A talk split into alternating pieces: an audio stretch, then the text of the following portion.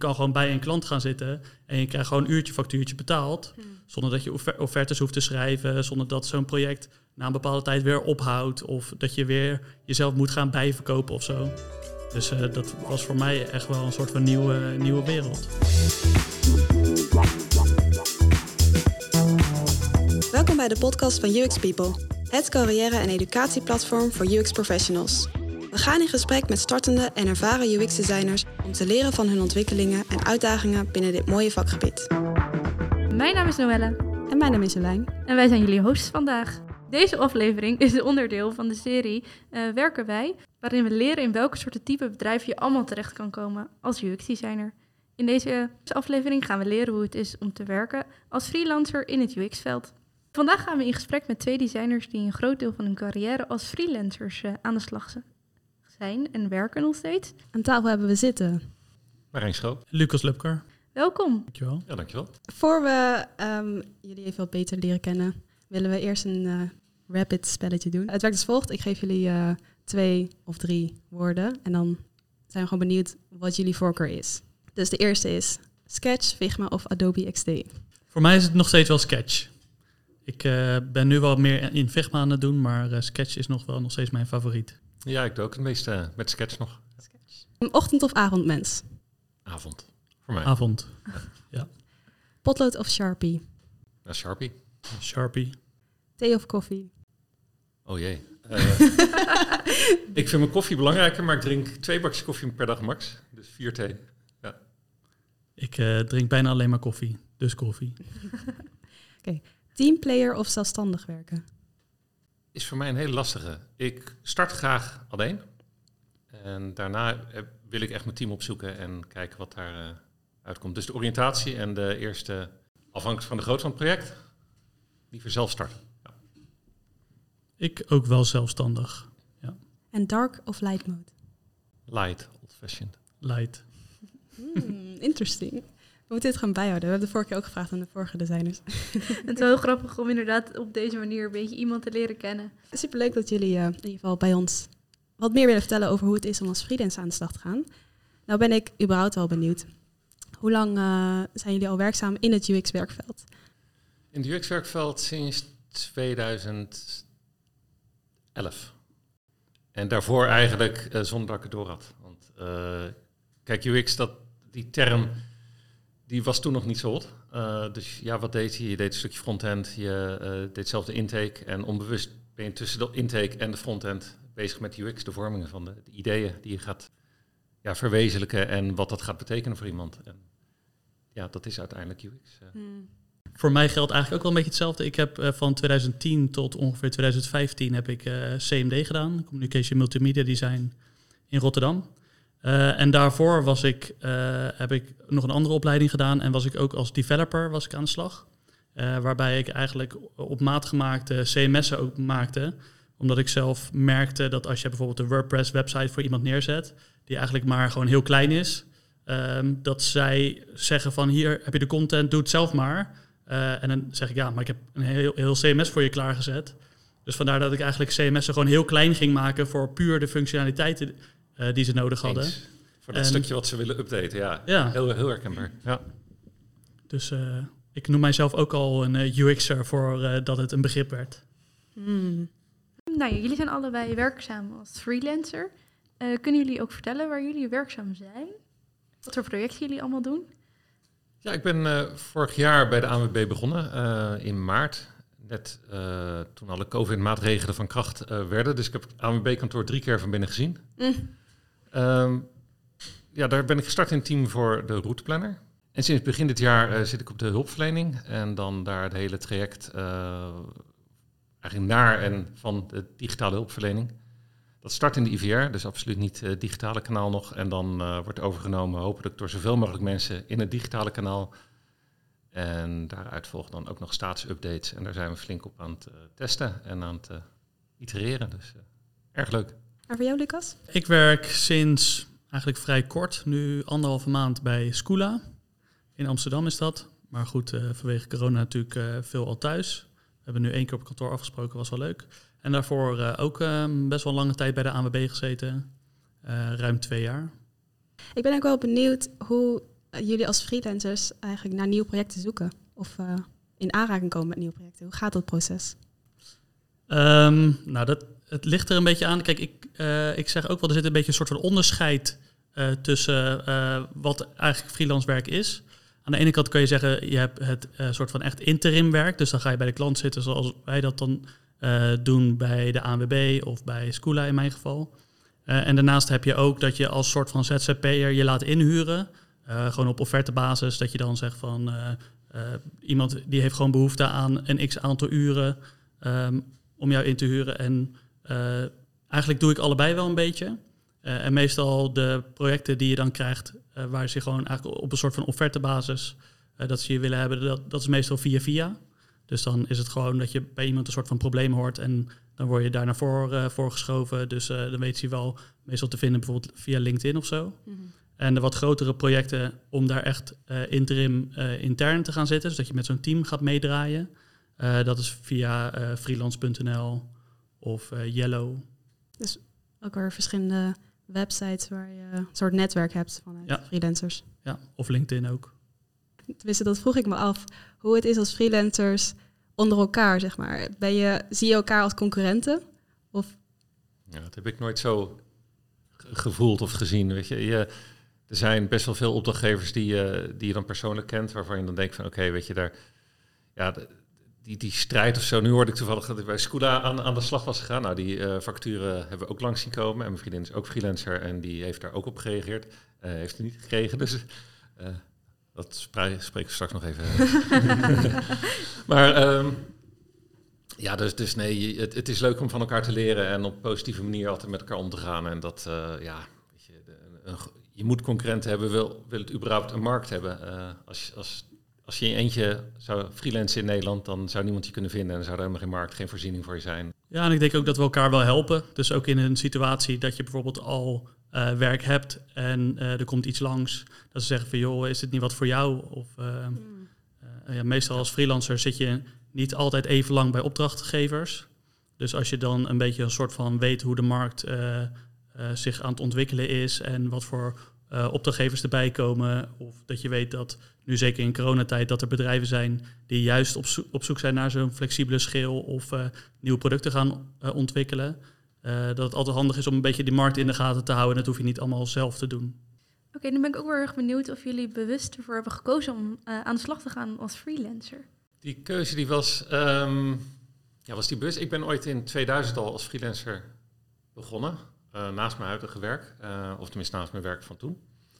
Ehm, dat deed ik toen bewust omdat, het, omdat ze dan sneller met mij konden schakelen. Eh, er zat geen groot bedrijf met overheid achter. Ehm, dus daarmee voldeed ik eigenlijk aan een profiel wat, waar vraag naar was op dat moment. Toen ben ik een heel tijdje bij een bedrijf intern gaan werken. Het beviel me heel erg goed, maar de leerweg hield daar een beetje op. En eh, toen kwam ik bij een ander bedrijf waar eigenlijk gelijk al duidelijk was dat er niet echt heel erg veel te leren viel. En toen dacht ik, ja, hoe kan ik dan zorgen dat ik wel snel, sneller blijf leren en hier en daar een stap voor blijft op, de, op concurrentie, om het zo maar te zeggen. Ehm, ja, toen dacht ik, ja, freelance is wel een goede mogelijkheid. En mijn vriendin was toen net eh, de werk kwijtgeraakt door een bedrijf waar gewoon de stekker uit werd getrokken. Die kon toen freelance aan de slag. En toen zei ik van nou, als dat zo relatief eenvoudig gaat, dan wil ik dat ook wel gaan proberen. Eh, en dat lukte, gelijk leuke projecten. En ja, als je dan eh inderdaad projecten krijgt waarin je zo erg wordt gewaardeerd dat, eh, ja, dat je daaruit weer ander werk krijgt, dan rolt het eigenlijk vanzelf door. En, en ja, een project waar je echt een verschil in kan maken, waar, daar ga je de- dat is misschien ook wel het verschil. Je reageert vaak echt op een project. En het project dat moet er wel bij passen, want anders dan ga je gewoon enorm vervelen. En Mm. het gebeurt uiteraard wel eens dat een project naar je toe komt waarvan je achteraf denkt, veel, dit is heel anders beschreven dan wat het uiteindelijk is. Ja, dan moet je gewoon eh, zeggen van oké, dit is toch niets voor mij, ik, eh, ik ga weer weg. Mm. Maar over het algemeen is het juist leuk om op projectbasis iets uit te kunnen kiezen. Ja, ik ben eigenlijk ook wel een beetje op dezelfde manier ingerold. Dus eh, vaak is het eerst een beetje een soort van via-via. Eh, en ik heb een tijdje heb ik bij eh, Online Department eh, gewerkt, tot eh, 2017. Eh, en toen ehm, eh, ben ik eigenlijk een start-up begonnen die niet helemaal lekker liep. En eigenlijk gaandeweg kwam ik erachter dat het gewoon niet lekker van de grond kwam. En toen was er dus een, eh, ehm, ja, volgens mij was het ook een freelance UX designer, die tegen mij zei van, joh, heb jij toevallig tijd? Want ik heb hier een klus liggen. En dat was toen de tijd voor Eneco, ook in Rotterdam. Nou ja, mooi, mooi merk. Eh, eh, zeker iets voor een freelance UX designer is het mooi om zo'n eh, project op je portfolio te hebben. Ja. En toen dacht ik, nou, weet, weet je wat, ik ga het gewoon doen. En dat was toen voor ehm, iets van vier dagen in de week of zo, of drie dagen in de week. En ik dacht, dat is mooi te combineren, omdat ik nog steeds bezig ben met mijn start-up. Hmm. Nou, uiteindelijk werd dus mijn aandacht voor mijn start-up werd steeds minder. En aandacht voor eh nou ja, freelancen werd steeds meer. Ehm, en daarvoor kende ik ook heel het, eh, het systeem niet echt van... je kan gewoon bij een klant gaan zitten... en je krijgt gewoon uurtje factuurtje betaald... Hmm. zonder dat je offer- offertes hoeft te schrijven... zonder dat zo'n project na een bepaalde tijd weer ophoudt... of dat je weer jezelf moet gaan bijverkopen of zo. Dus eh, dat was voor mij echt wel een soort van nieuwe, nieuwe wereld. Dat, had je, dat hoef je nu niet te doen. Eh, Uurtje factuurtje. Ja, dat, dat, doen we, dat doe ik nu, dus nu wel. Oh, Eh, nou, in ieder geval, in zover je hoeft niet eh, offertes te schrijven en eh contact te hebben. En ehm, nu, nu is het juist gewoon uurtje factuurtje. Dus je gaat gewoon acht uur bij een klant zitten. En aan het eind van de maand stuur je gewoon een factuur van alle uren dat je bij de klant hebt gezeten. Dus je hoeft niet meer in je eigen tijd nog te gaan werken s'avonds of een begroting die je hebt gemaakt, wat eigenlijk eh 30 uur was, blijkt veel meer werk te zijn. Of de vraag wordt meer. Dus dan moet je met die klant om de tafel om te gaan kijken van hoe krijg ik dat betaald. Eh, en dat is dus de manier van freelancen zoals ik het nu doe, zeg maar, gewoon interim. Eh, dan heb je dat niet. Dus dan is het gewoon, eh, je krijgt betaald voor de uren dat je er zit. Hmm. Ah, interesting. Wist ik helemaal niet. Nee, ja, ik ook niet. Het is echt nog eigenlijk wat je net ook al aangaf, twee gebieden binnen het freelance werken. Ja, ja. Oh ja. En ik doe het eigenlijk allebei hoor. Dus eh, ik zit dan nu bij Scoola gewoon drie dagen in de week. En dat zijn ook gewoon de vaste dagen. Dus zij weten ook gewoon dat ik er dan ben. Ik draai gewoon mee in de Scrum team. Ehm, in het Scrum team. Ehm, en eh, de rest van de tijd kan ik gewoon invullen met een opdrachtje die ik af en toe wel eens eh, krijg. Maar zo'n opdracht is nog wel eens dat je bijvoorbeeld gewoon daar soms twee weken lang niks van hoort. Eh, en soms dan heb je er gewoon heel veel werk aan. En zeg maar die, ja, tussen aanhalingstekens onzekerheid kan ook wel vervelend zijn. Dus vandaar dat het heel fijn is om nog zo'n interim eh, freelance klus erbij te hebben. Of eigenlijk dat dat zeg maar je hoofdinkomen is. Ja, dat was ook eh, eigenlijk mijn, ook een vraag die ik wilde stellen. Want wat zijn nou echt dingen die je lastig vindt in het eh, freelance werkveld? Inderdaad, wat Lucas ook al zegt, eh, als je start met, met projecten of iets zeg, waarvoor je dus zelf offertes verstuurt en zit je vaak lang te wachten op iets. Ehm, dus de onzekerheid om ja, eigenlijk in een vast inkomen is best wel groot. En sommige projecten daar, ja, daar weet je, daar krijg je een hele goede beschrijving van. En dan kun je een goede inschatting doen en dan altijd een stukje eh, veiligheid eroverheen. En eh, ja, heel soms valt het mee. Eh, maar meestal valt het tegen. En dat heeft gewoon ermee te maken dat een opdrachtgever die kent het project beter, die stuurt meer, die, dus die drukt eigenlijk de prijs in jouw onbewustzijn. door gewoon te zeggen van ja, dit gaan we zo doen, zo doen, zo doen. En alle, alles wat moeilijk is, daar praten ze lekker makkelijk overheen. Mm, Op het moment dat je natuurlijk... Kijk, je zou er in theorie meer mee kunnen verdienen. Eh, nou is dat sowieso niet mijn eh, grootste motivatie voor freelance werk. Maar het stukje waarin je gewoon eigenlijk een eerlijke eh, relatie wil hebben met je opdrachtgever, dat, dat, dat is makkelijker binnen interimwerk. Dus dan, ja, omdat je gewoon onderdeel bent van een team, eh, je wordt hetzelfde behandeld. Misschien niet overal, maar de, ja, bij de algemeen. Over het algemeen, af, absoluut. Ja, zeker bij de AMB is het heel erg goed. Maar ze vroeg wat er lastig aan is.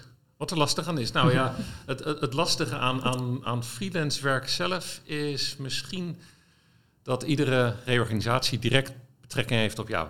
Een reorganisatie betekent gewoon, nou ga maar solliciteren, want je bent echt gewoon binnen een Mm. maand je werk kwijt. dus corona was ook wel een eh, big hit waarschijnlijk. Eh, corona was absoluut een reden voor heel veel bedrijven om op de rem te trappen. En toen zag je ook dat, eh, nou ja, goed, dat hebben jullie ook goed bijgehouden hier, dat het aantal vacatures van in de 100 eh, daalde naar 2 en naar 4 een paar maanden lang. En toen trok het eindelijk weer bij, kwamen nieuwe coronamaatregelen en het daalde net zo hard weer in. En ja, dan, eh, het is niet zo dat al het werk wat op de plank blijft liggen ooit nog uitgevoerd gaat worden. Dus het is ook gewoon werk wat weg is nu, wat gewoon eh, ja, door de tijd wordt ingehaald. En, eh, dus ja, het, er zitten risico's aan. En zeker wij freelancen allebei. En ja, als je wel eens een keertje allebei twee maandjes thuis zit, dan denk je van oké, hartstikke leuk, maar het loopt eigenlijk nog wat. Ja, dan kijk je terug en dan lopen er twintig zaken. En eh, ja, dan hoor je van eh, gemiddeld van de helft hoor je helemaal niets. Gewoon echt helemaal niets. En dan betekent gewoon dat het een ja, dat je eigen enorm hebt ingezet voor uiteindelijk niets anders dan een, een marktpeiling van hoeveel mensen reageren erop, wat zijn nu de gemiddelde uurtarieven, welke kwaliteit hebben ze. Klopt, ja. En dan uiteindelijk zie je gewoon de factuur een, een week later uh, voor vaststaan. En dan denk je van ja, dit is gewoon een Mm. hele slap iets. En Oh, dat, dat is best wel naar. Dat Ja, doen. dat is iets wat eh, natuurlijk enorm door de overheid is gestimuleerd, door de eh, hele wet DBA. Dat was eigenlijk gewoon een manier om de eh, tarieven naar beneden te krijgen. En dat is ze gelukt, want de gemiddelde tarieven zijn iets gedaald in die tijd. En eh, ja, het aanbod werd groter dan de aanbod van freelancers. Werd eigenlijk iets groter op dat moment dan, dan de vraag. Maar die, ik moet wel zeggen, die spookvacatures, die zijn er ook voor intern. Ja, Want mijn vriendin is dan ook eh, eh, UX-designer, maar dan eh, niet freelancer. En die was dus ook op zoek naar een, naar, eigenlijk naar een nieuwe klant. Ook vanwege corona, nou, genoeg aan de hand. Dus zij wilde ook een nieuwe baan. Waar zij dus ook erachter kwam dat er heel veel vacatures die online stonden... ook gewoon spookvacatures Ja. waren. Dus gewoon geen reactie erop. Alleen maar om inderdaad de markt te peilen. Ik zit ook te denken, want als freelancer dan... Je, je wordt wel heel goed in solliciteren, volgens mij. Ja, ja, zeker. Ik denk ook wel, want om nog even door te, door te gaan op, jou, eh, op jouw vorige vraag. Mhm. Eigenlijk, dat is een beetje wel de soort van de uitzondering wat het, wat het lastig maakt om een freelancer te zijn hoor. Want ik denk wel dat er andere dingen zijn die gewoon over het algemeen wel wat minder fijn zijn om een freelancer te zijn. Mhm. Dus ik wil niet zeggen dat freelance dat dat zeg maar de heilige graal is. Eh, denk bijvoorbeeld aan dat je gewoon alles zelf moet regelen. Dus bijvoorbeeld je moet je eigen belasting doen. Eh, je moet, nou ja, auto van de zaak misschien of andere vervoer, eh, telefoon. eigenlijk alles wat je, wat je zelf zou moeten gaan aanschaffen. Dus ook eventueel je eigen educatie. Je moet eigenlijk alles zelf doen. Dus het is niet zoals dat je bijvoorbeeld bij een bedrijf zit en dat je bij je werkgever kan aankloppen voor eh, laptop. een NS Business Card of voor een laptop inderdaad. Dat is ook een Ja. investering die eigenlijk moet je alles zelf regelen en betalen. Dus dat is ook wel een, eh, Ja, een belangrijke. Ja, en wat je Ja. bijvoorbeeld ook niet hebt, is dat je echt meegaat in die bedrijfscultuur. Dus er zijn verder geen uitjes. Het is best wel, nou ja, ik wil niet zeggen eenzaam, dat is misschien heel erg overdreven, maar eh, je bent best wel autonoom in je eigen bedrijfje. Ik weet niet Ja, of jij dat zo ervaart. Nou, het verschilt wel per opdrachtgever. Eh, ik heb dan wel een, bij een overheid, eh, de SVB, ook gewerkt. En daar kwam ik binnen en in de eerste week waren er drie borrels. En, en eh, is het ook echt zo van, nee, allemaal werk laten eh, liggen en eh, ja, aan de borrel, zo gezegd. Ehm, toen op een gegeven moment dacht ik ook wel van, ja, weet je, je, je bent ook zelf wel daar een klein beetje een uitzondering. Dus je wil ook wel je werk af hebben. Je wil, Mm. je, je bent je, ik denk dat je ook wel altijd iets meer druk voelt. Ook je- en, en Om jezelf te bewijzen dan? Ja, om jezelf te bewijzen, maar ook in korte tijd. Je moet, eh, als je bij een opdrachtgever komt met bepaalde ervaring, dan verwacht hij ook dat je met die ervaring snel een st- start kan maken. Mm. Dat is de reden dat ze voor ze moet kiezen eh, voor een, een externe dan. En Ja. ja. dat betekent dat je in de eerste week eh, ja, je weekenden eventjes je plannen moet afzeggen en eh, de avonden misschien moet blokkeren. Want ja, je moet je eigen inlezen. Je moet echt zorgen dat jij binnen een week, waar je normaal een maand voor staat, eh, draaiende bent in het team vaak. En ja, het verschilt per opdrachtgever hoeveel rekening ze daarmee houden. Maar voor jezelf, je voelt wel een klein beetje die druk als je die bij een paar bedrijven al een keer hebt gehad. Ja, je wordt, je wordt ook ingehuurd. Hè? Ja. Dus je, je, Ja. je zit daar eigenlijk... Ze betalen jou gewoon bij wijze van spreken per uur. Dus ze verwachten ook gewoon dat je iets, iets oplevert. Dus je Ja. kan daar niet even twee uur eh, staan gaan tafeltennissen. eh, omdat zij natuurlijk gewoon weten van... die betalen we gewoon per uur. Ja. Eh, en ook voor jezelf. Ik zeg altijd ook tegen opdrachtgevers... eh, als ik mezelf niet terugverdien, hoef je me ook niet in te huren. Weet je wel? Dan, ga je, dan, dan ga ik wel iets anders zoeken eh, voor mensen die wel op mij zitten te wachten. Want je, je, ja, je zit daar om eh, iets voor die klant zeg maar terug te verdienen. Zij doen een soort van investering in jou. Mhm. Jij bent eigenlijk gewoon een, een, een huurkracht eigenlijk. Dus je moet jezelf bewijzen en laten zien dat jij het kan. En je weet ook dat je daar toch niet voor heel lang blijft zitten. Dus in, in sommige gevallen kan het inderdaad nog wel eens drie jaar zijn. Eh, maar in heel veel gevallen is het er gewoon een kwestie van maanden. En dan ben je er eigenlijk gewoon om je trucje te doen eigenlijk. Mm. Denken jullie dat er bepaalde eigenschappen zijn die handig zullen zijn als je een freelancer bent? Die specifiek handig zijn als je een freelancer bent? Ik denk het wel. Ik denk dat je best wel een vrij dikke huid moet eh, hebben. Het, eh, dus de, de wereld is niet, het is niet soft. Normaal gesproken, als je gaat solliciteren in een vaste dienst, dan doe je drie, vier sollicitaties. En in, in dit werkveld heb je dan vaak wel iets gevonden waar je ook eh, in mag starten. Ehm, de laatste jaren krijg je gewoon, of, of je hoort niets. En dan heb je er toch, gemiddelde sollicitatie stop je zeker wel een uurtje of vier om iets aan te passen. Ze vragen allemaal een aangepaste cv. Ze willen allemaal Mm. bepaalde manieren, structuren die bij opdrachtgevers aanslaan en bij anderen weer niet. Ja. Dus er zit heel veel tijd in en die krijg je niet betaald. En als je dan ook nog eens een keertje om, eh, ja, eh, zeker in het geval van warme stoel, om hele kleine dingen waarvan je echt zegt van nee, ik heb geen ervaring met ehm, Flinto. Eh, nou, dat zeg je misschien. Eh, maar ik heb wel ervaring met de Sketch en de tool daar, die, die de prototypes daarin maakt. En ik heb ervaring met... Het is allemaal hetzelfde. Flinto kost je een half uur.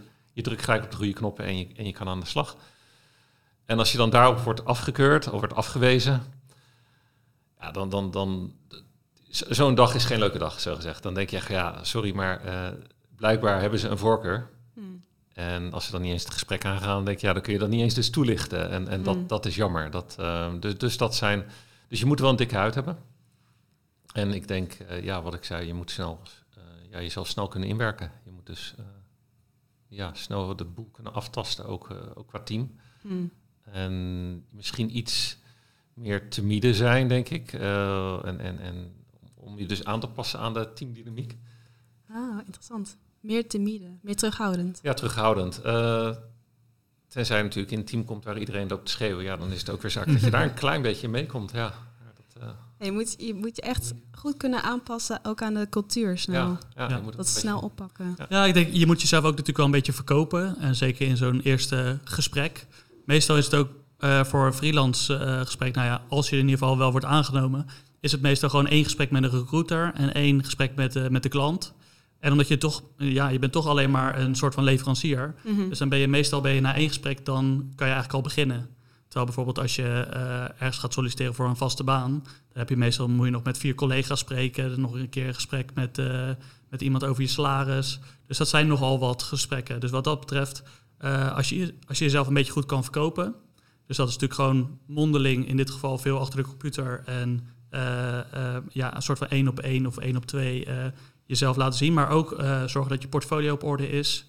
Laten zien dat je een track record hebt. Dus laten zien wat je uiteindelijk bij vorige opdrachtgevers hebt bereikt. Dus nou, dat kan natuurlijk van alles zijn. betere conversie, betere contact met de klant. Nou, ja, eh, Dat zou natuurlijk heel veel kunnen zijn. En misschien ook wel gewoon ja, niet, niet ziek zijn, denk ik dan ook. Weet je, wel. je moet Oh. ook wel gewoon aanwezig zijn. Ja. Eh, op het moment dat jij eh, net met je de, de, de baby's in de luiers hebt en je hebt slapeloze nachten, dan is dat niet een heel goed visitekaartje van jezelf naar je opdrachtgever dat je zegt van joh, ik kom even vandaag niet, want eh heel de nacht wakker gelegen. Dan denk ze, ja, daar huren we je niet voor in. Ja, klopt. Dat, dat is ook een van de nadelen. Ja, ziek zijn, dat is eh, afhankelijk van je planning. Of je het gaat halen of niet. En Ja. je, krijgt, je krijgt ook niet doorbetaald. Nee, nee, dat ook niet. Ja, dat is ook helemaal... Ja, ook interessant om te horen. Ehm, en vooral ook als iemand er dus wel aan voldoet. En wat, ja, dat, wat dan de karaktereigenschappen zijn voor iemand die aan de slag kan als freelancer. Want ik denk zeker als ja, mensen echt nog aan het zoeken zijn van ja, is het wel wat voor mij? Het is wel goed om dan nu ook te horen vanuit twee echte freelancers. Ja, wat, hoe jullie dat dan ervaren en wat jullie denken van nou, als je dit een beetje hebt. Ja, het, het- kijk, het gras is altijd groener bij de buren. En zo, en zo zien wij op een gegeven moment, als je langer freelance, zie je ook weer van, ja, weet je, de voordeeltjes van, eh, van de vaste dienstbetrekking. En eh, ja, inderdaad, langer eh, op een project kunnen zitten, iets af kunnen maken. En zeker bij bedrijven waar je toch ook intern kan doorgroeien. Dat is Mhm. natuurlijk een van de voordelen van een freelancer, dat die gewoon een project uitkiest waarvan die zegt van, nou, weet je, daar kan ik 80% van invullen, maar 20% is mooi weer leerwerk voor mij. Hmm. Ja, dat krijg je niet bij alle bedrijven aangeboden. Sommige bedrijven zoeken echt iemand voor een positie. Nou, dat ben jij dan Hmm. op die positie. Ja. En eh, ja, dat is iets wat, wat ik, waar ik gewoon persoonlijk zelf, eh, ja, niet echt tegen kan, zo gezegd. Ik vind dat er altijd eh, een, een soort loopbaan moet zijn voor jezelf. Zou je het aanbevelen voor startende designers om te beginnen met freelance? Ik zou zeggen nee. Ik zou beginnen, als je veel verschillende opdrachten wil, begin dan ook met verschillende opdrachten en neem die aan. Eh, leer dus ook eh, je planning goed te beheersen, want als jij wil groeien in het freelance of uiteindelijk überhaupt in je werk, eh, is een van de zaken eigenlijk dat je eigen planning goed op orde hebt. Dat is iets waar je continu op wordt afgebrand. Dus als jij je planning ja, niet op orde hebt, op dat, en dat geldt nog meer voor een freelancer, dan, ja, dan, dan hang je gewoon dat. Sluit ik me bij aan. Ik denk als je net begint, als je net bent afgestudeerd, eh, eigenlijk wil je ook gewoon heel veel leren. En zeker in de praktijk. En het beste waar je dat kan doen is bijvoorbeeld bij een agency zoals Online Department of uh, Hike One of Debt. Maakt op zich niet zoveel uit. Maar dat zijn wel meestal de plekken waar je gewoon heel veel leert. Hmm. Uh, en vaak wat mensen het meeste aanspreekt aan bijvoorbeeld freelancen, is dat je er veel geld mee kan verdienen. Maar dat is eigenlijk alleen maar op het moment dat jij uh, je, je kan laten inhuren voor een bepaalde periode. Dat je voor, je voor je gevoel lekker kan cashen. Maar het betekent wel dat je gewoon een soort van stil gaat staan in je ontwikkeling. Ja. Tenminste, jij zei net wel, uh, meestal zoek je wel een klant uit dat je nog een beetje kan bijleren. Maar je kan niet in één keer zeggen van, je bent al een tijdje uh, UX design dat je denkt van, joh, ik zou het toch wel ook wel leuk vinden om uh, product owner te worden of zo. Dan zegt zo'n opdrachtgever, zeg, ja, dan ga je maar ergens anders zoeken. Ja. En wij huren jou in als, uh, als UX designer ja. en niet als product owner. Ja. Dat klinkt wel een beetje als een level up als je freelancer bent, want dan moet je echt alles zelf doen. als in zelf klanten regelen. Zelf, ja, je bent wel een bedrijfje binnen een bedrijf eigenlijk. En dat moet je ook weer zien te voorkomen natuurlijk, dat je eigen cultuur daar uh, opdringt. Um, maar tegelijkertijd, als jij dingen meeneemt uit je ervaring, waarvan je zegt van nou, weet je, ik zie dit hier, ook in bedrijfsculturen soms. Je zegt van nou, dit zou wel anders kunnen, of ik herken hier iets in wat toen daar fout is gegaan. Uh, als je tegen de juiste persoon zegt, wordt dat ook wel gewaardeerd. Dus dat wel. Wat voor we, want we willen zo meteen ook nog even door wat statements ingaan. Ja. Maar ik, ik, heb nog één, één vraag die ik wilde stellen. um, want we hebben best wel ook wat dingen besproken die, uh, ja, die kunnen best wel lastig zijn als freelancer. Maar jullie hebben toch bewust gekozen als freelancer om aan de slag te gaan. Dus dan ben ik toch benieuwd wat dan datgene is wat toch nog zo erg aantrekt om als freelancer te blijven werken. Wat, het, wat dat voor jullie is. Nou, sowieso is natuurlijk het, uh, volgens mij een heel groot verschil is inderdaad het financiële stuk. Uh, ze zeggen ook wel eens, als freelancer kan je vaak het meest verdienen. Moet je inderdaad wel je planning goed op orde hebben. Uh, maar het kan inderdaad ook zijn dat je misschien een maand of twee maanden zonder werk zit. Dat is ook een beetje aan uh, nou ja, hoe kritisch je bent op, op opdrachten die, uh, die je aanneemt. Maar je kan ook bijvoorbeeld bij een, bij een corporate gaan zitten, bij een groter bedrijf. Mm -hmm. En die betalen meestal beter dan agencies. Maar daar sta je natuurlijk ook wel wat meer stil. Dus dat betekent, als je het meest wil leren, moet je bij een agency gaan zitten. Als je veel wil verdienen, moet je freelancer worden. En als je er een beetje tussenin wil zitten, kan je bij een corporate gaan zitten. Zo is het een beetje in, in zoals ik het zie. Ja, eens. Dat herken ik ook. Ja. Dit sluit eigenlijk ook weer heel erg mooi aan bij een van de stellingen die we uh, van tevoren hebben opgesteld. Want we hadden een paar stellingen opgeschreven um, als het gaat over werken als freelancer. Um, een paar dingen hebben we waarschijnlijk al een beetje aangeraakt in, uh, in jullie uh, verhalen. Maar we zijn gewoon benieuwd of jullie het ermee eens zijn of oneens. En ja, het, de reden daarachter. De stelling is als volgt. Uh, freelancen betekent meer vrijheid. We hebben het net al eventjes aangetikt. Um, nee. Nee, ben ik het ook niet nee. mee eens. Ik dacht, ik dacht eigenlijk dat je ja zou gaan zeggen, maar um, ik denk dat het juist minder vrijheid geeft. Ja. Ja, pas je vakantie aan naar de planning van het project. Dus als je project, als jij, ook als jij naar je zin hebt op het project, dan wil je erop blijven. Uh, een vakantie is altijd zo'n risicofactor. Weet je, als je een leuke vakantie wil doen van drie weken en je bent drie weken van het project af, hebben zij drie weken iemand anders nodig. Mm-hmm. Ben je in nou, de helft van de gevallen je plek kwijt. En ja. dan sta je gewoon, kom je terug, heb je een leuk gesprek en zeggen ze nou een, nog een maandje. En dan uh, houdt het voor je op, want we hebben iemand anders op dat project moeten zetten.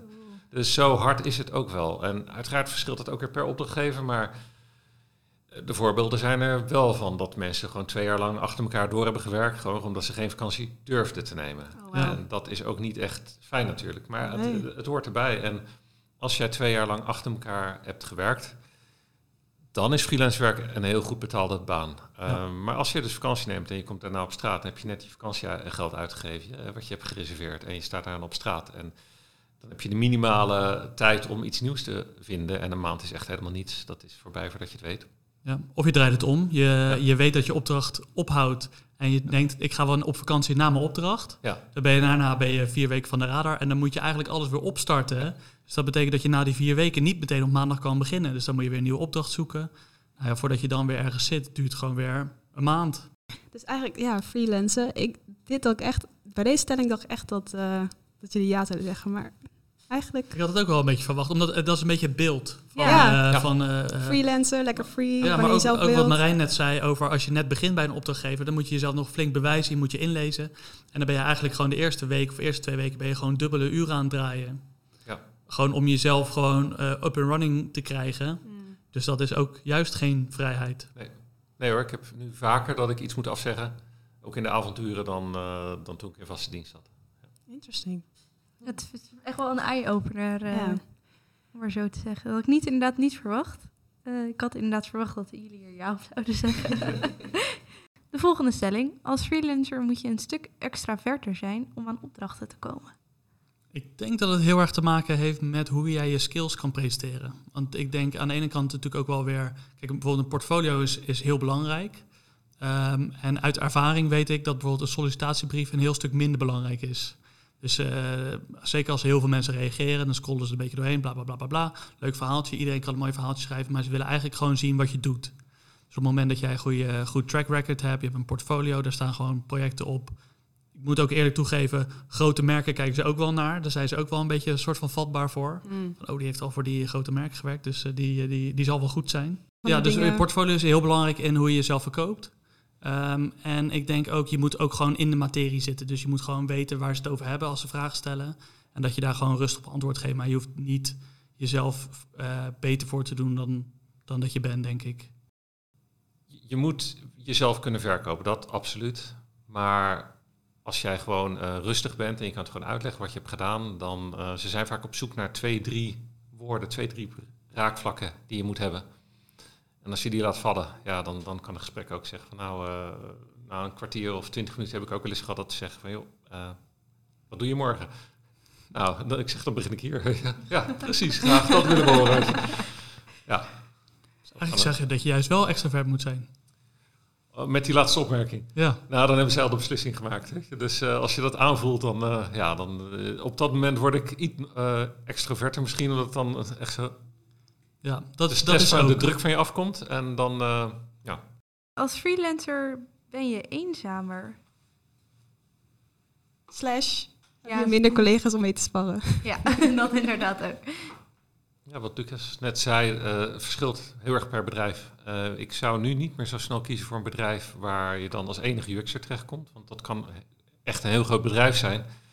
Waar de uh, ja, UX maturity zogezegd nog zo laag is dat je ja, daar echt helemaal naar moet bewegen om iets voor elkaar te krijgen op UX-gebied. En vaak word je daar dan gewoon eigenlijk UI-designer in plaats van UX'er. Hmm. Want als UX eigenlijk heb, als jij de enige daar bent, dan moet je eigenlijk service designer zijn. Want je moet eerst voor jouzelf het werkveld creëren om effectief te kunnen zijn.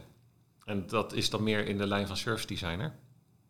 Uh, ja, de meeste UX-designers met meer ervaring worden automatisch ook een stukje service designer, want ze hebben altijd wel ervaring waarmee ze iets moeten gladstrijken, de juiste uh, ja, paden moeten uitzetten, ook waarover ook andere collega's gaan bewegen daar. Uh, ja, als dat lukt is het natuurlijk super, maar vaak lukt dat niet. Krijg je niet voldoende tijd of hebben ze al een heel pakket werk liggen wat eindelijk is voor de UX'er die binnenkomt mag uitgevoerd worden. Bedrijf wat, wat meer UX'ers heeft is leuker, want dan weet je gewoon dat het goed zit, dat de UX uh, bekend is binnen het bedrijf. Ja, ja ik sluit me daarbij aan. Ik denk ook, ja, eenzaam is misschien niet he het helemaal het goede woord, maar je, je zit daar wel meer, meer met één doel. En dat is eigenlijk gewoon iets voor die klant maken en niet zozeer om daar vrienden te maken of zo. Dus aan de ene kant is het ook wel weer een soort van verademing. Dat je ook gewoon weer alles kan doen op jouw manier. En ik denk dat je dat ook wel een soort van verplicht bent uh, naar jezelf toe om daar naartoe te gaan en dingen te veranderen waarvan jij denkt dat die moeten veranderen. Uh, en soms dan sluit dat niet aan en dan kan het wel eens een soort van eenzaam voelen. Maar ik, ja, het, het, is ook wel een beetje een soort van onafhankelijk, ben je, ben je een beetje ook wel. Ja, ja zo ga ik er ook altijd wel in. Dat je bent vaak een, een beslissingsmaker op in jouw traject, in jouw vakgebied. Ja, toch en, een soort van consultant word je ja, ook wel. ook je hebt ook wel een soort van consultantrol. Ja. Mm. Ja.